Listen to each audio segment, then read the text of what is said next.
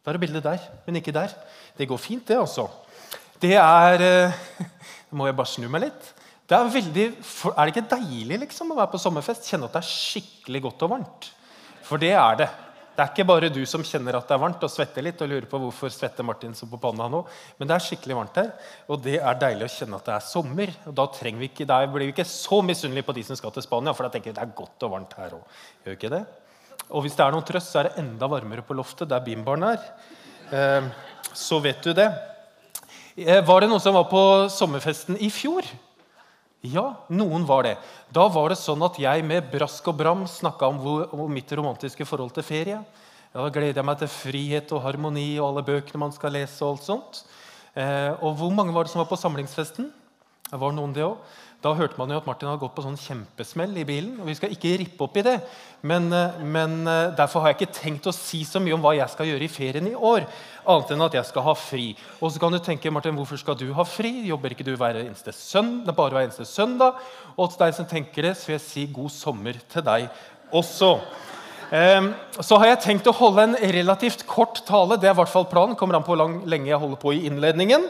Um, og så er det sånn at Når du skal holde en tale på en sommerfest Det er ikke sikkert du har tenkt på det, men da, det er liksom ikke det tidspunktet hvor man kommer liksom med de største utfordringene og formaningene som gjør at man liksom må gå i åndelig veiledning i ukevis etterpå. Man gjør ikke det. Og det andre er jo det at det skal jo helst være litt sånn positivt. Sånn at når man går ut, så tenker man liksom wow! Og så, og, så bra vær her, liksom. Det skal være positivt når man går ut. Eh, og så skal jeg helst ikke ha sagt så mye feil. Jeg sier, jeg, Ofte så snakker jeg før jeg tenker, så det hender at det kommer noen ting ut som man må reparere seinere. Og I et vanlig år liksom, så har man jo uka etter og, og søndagen og sånt å rette opp det, men nå er det jo ikke noe mer møter før i august. Så, så Derfor har jeg prøvd å gjøre det enkelt og tenke at det er to ting og så vet jeg at det er vanskelig for noen å tenke på to ting når dere går ut. men jeg har lyst til å prøve å tenke på to ting. Det er det jeg håper. i hvert fall. Og det ene er så Det står der, sant? Ja da. Eh, så fantastisk eh, at Gud ønsker å være en del av mitt liv. Det håper jeg at du tenker når du går ut. Tenk at han er med. liksom. Tenk at Han er med i livet. Han er ikke bare liksom, som boosteren på induksjonskomfyren din, som bare starter opp, og så forsvinner han. Nei, han er med, og han er, han gjør det ferdig. Det er det ene. Og det andre er, som jeg håper at du husker, eller som du tenker når du går ut, er at jeg gleder meg til å komme igjen til høsten. Kan vi ta liksom en håndsopprekning på det med en gang? Nei. Eh, men jeg håper, hvert når vi kommer dit, da, så håper jeg at det liksom, yes, jeg gleder meg til å komme tilbake til høsten. Gleder meg til å bidra, og komme på gudstjenester og tjene og møte vennene mine igjen. Og, og alt sånt. Og for å komme dit så har jeg lyst til å ta utgangspunkt i et brev som en som heter Paulus, som har skrevet halve Nytestamentet. Han har skrevet et brev til en menighet som er i en by som heter Filippi. Eh, og Filippi det ligger liksom i det nordre Hellas. Kanskje noen har vært der. Eh, og Det var jo det første stedet i Europa som hørte evangeliet om Jesus Kristus fra Paulus. Og når Paulus var der, det kan du lese om i apostelgjerningene kapittel 16 når du kommer hjem eller ligger på stranda. Men Paulus han skriver da dette brevet når han sitter i fengsel. Eh, mest sannsynligvis i en by som heter Efesos. Eh, og når man ser på dette brevet, som er ganske kort, det er fire kapitler, så er det sånn at det er et ord som er oversatt eh, mange ganger, og som går igjen. Et sånt gjennomgangsord. Eh, og I de vanlige oversettelsene, av de aller fleste oversettelsene så står det 'fellesskap', som er liksom går igjen menighetens fellesskap. Men hvis man ser på, liksom, på grunnteksten og går og vrir litt på det, så er det egentlig et uttrykk for partnerskap. Altså at Evangeliet om Jesus det er et partnerskap mellom menneskene i menigheten eh, og Gud. Og at det partnerskapet også gjelder nåden og hvordan man forvalter nåden. At vi, da kan vi liksom si at ja, vi er partnere dere i evangeliet og i nåden. Kjempespennende, ser jeg at dette er. Men det er jo da fire, jeg har bare lyst til å si at det finnes fire sånne fengselsbrev som Paulus skriver ganske mye sånn spennende ting fra. og Det er det brevet som heter eh, Efeserbrevet, og så er det Filippebrevet, som vi skal se litt på, og så er det et brev som heter Kolosserbrevet, og så er det brevet til en mann som heter Filemon. Eh, men, og i de brevene er, Jeg vet ikke hvordan det er å sitte i fengsel. Eh, men tydeligvis, for Paulus i hvert fall, så er det utrolig viktig å formidle at han vet. Han tror ikke bare, han vet, sier han, at evangeliet om Jesus Kristus ikke bare er en sånn religiøs opplevelse som falmer med tiden. Mange av oss har sikkert hatt det. Det var liksom den høydalen, og så falmer det. Men han sier det handler ikke evangeliet om Jesus Kristus om. Ikke i det hele tatt. Evangeliet handler om at det er en livsforvandlende handling som skjer hele livet. I en prosess, i en utvikling. Og så er det en gammel mann, veldig gammel mann. Han er, over fem, han er ikke over 500 år, men, men han er født i 1540. Og han heter sir Francis Drake. Eh, og han har skrevet en bønn som jeg har da prøvd på mitt kunnskapsnivå på engelsk å oversette fra engelsk til norsk. Og det er ikke veldig bra, jeg, jeg ser det, men dere må ta poenget. For han skriver nemlig følgende Gud, når du leder oss i hvilket som helst type arbeid, hjelp oss til å forstå følgende. Det er ikke begynnelsen, men det er fortsettelsen av det samme frem til arbeidet er ferdig, og som til slutt gir deg ære, som er det viktige. Det er altså da ikke bare begynnelsen. Ofte så kan man jo tenke på det. Det var den dagen jeg ble frelst. liksom. Det var den dagen jeg møtte Jesus og bøyde kne. Det var den som var det viktige. Men han sier nei, nei. Ja, det var viktig, det. Men vel så viktig som det, så er jo fortsettelsen. Hva som skjer etterpå. Og Det er derfor Paulus skriver i Filippebrevet 1,6 at jeg er trygg på at han som begynte sin gode gjerning i dere, eller i deg, skal fullføre den helt til Jesu Kristi dag. Jeg er trygg på det. At han som begynte sin gode gjerning i deg, skal fullføre den helt til Jesu Kristi dag. Det betyr jo ikke det at det ikke er vanskeligheter eller problemer eller utfordringer. Og Paulus skriver jo masse om det i sine brev, bl.a. i et brev som heter første Korinterbrev. Men likevel så, så, skriver Paulus noe om det at å bli stående i arbeidet, stående i dette partnerskapet, stående i menigheten over gjennom hele livet. Og så ber han da videre i noen vers som vi skal se på. Det er der vi skal se. Han ber en bønn for menigheten, og når han ber til menigheten i Filippi, så ber han på samme måte for oss. Og så kan vi tenke at det også er en bønn for oss. For han ber, og dette ber jeg om, at deres kjærlighet må bli mer og mer rik på innsikt og dømmekraft. Og Betyr det at vår kjærlighet må bli mer og mer rik på innsikt og dømmekraft. Altså at vi må på en måte flomme over av det. på en måte. Det er jo ikke vanlig, vanligvis kanskje den tingen vi tenker om kjærlighet. Da tenker vi jo på følelser og begjær og kjærester og alt mulig sånt. Men det er ikke det han sier. Fordi, For Paulus er det sånn at hjertet hans og hodet hans det henger sammen. Det gjør jo våre òg, stort sett. I hvert fall hos dere, ser jeg de henger sammen. Og at den kjærligheten som Paulus snakker om her, det er ikke den kjærligheten som vi har liksom, mellom ektefeller, eller når vi sier at vi er glad i deg, eller liksom, så, og enda verre ting. Men, men nå, når, Jesus, når en skriftlær spør Jesus hva er det største og viktigste budet i loven, så sier Jesus at du skal elske Gud, og så skal du elske mennesker.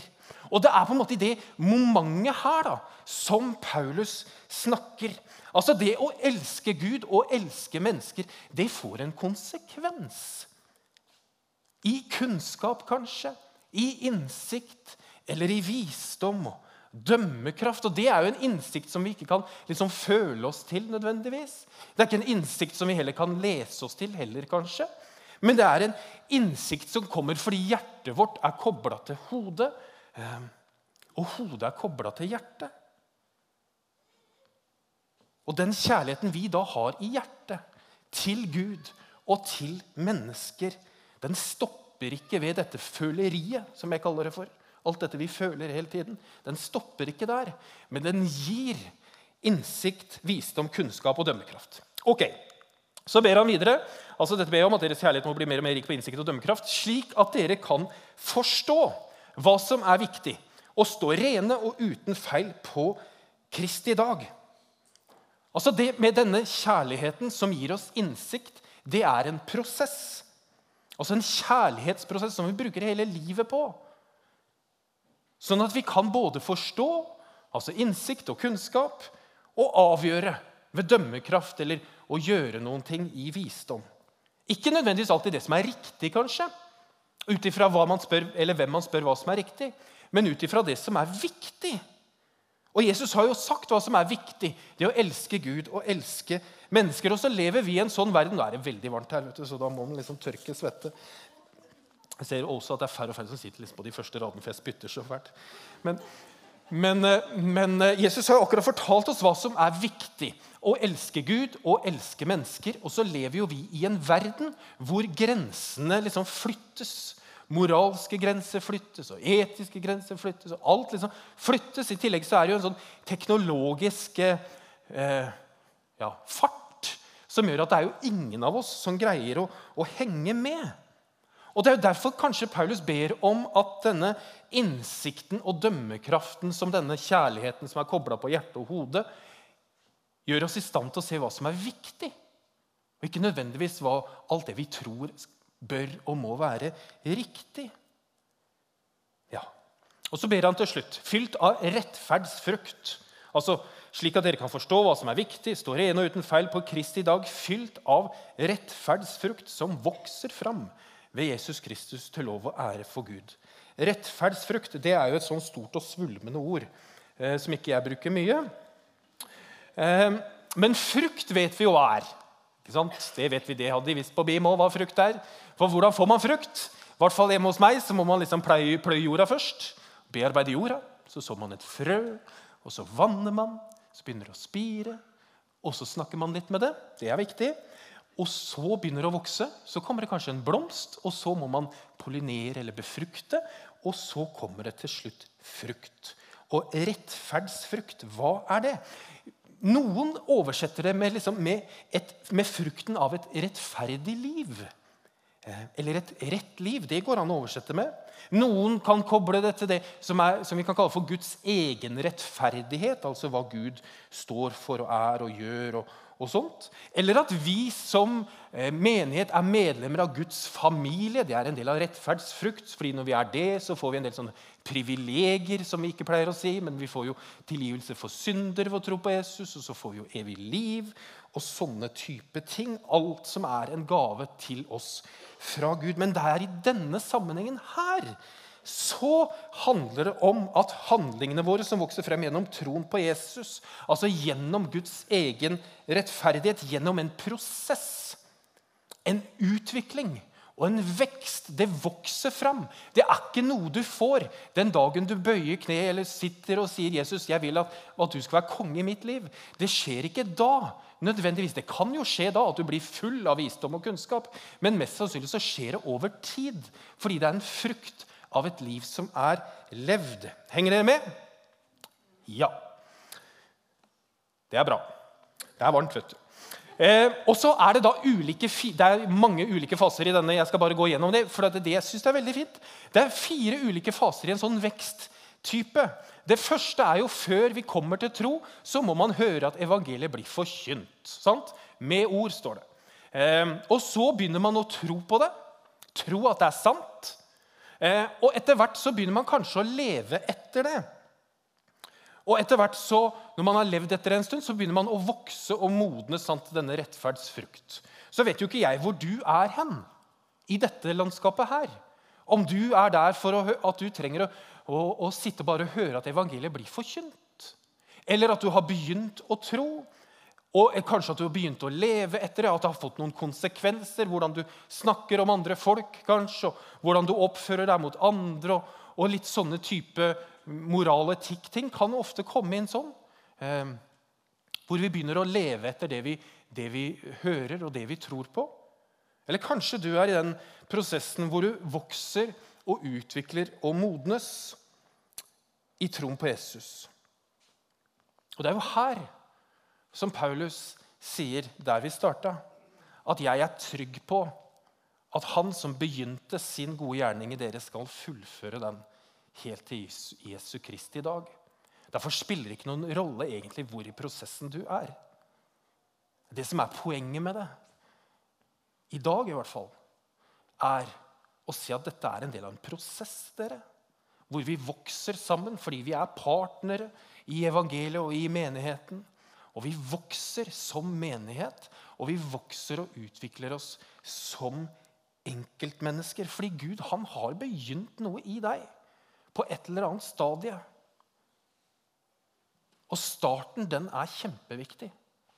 Men fortsettelsen av det samme er kanskje vel så viktig.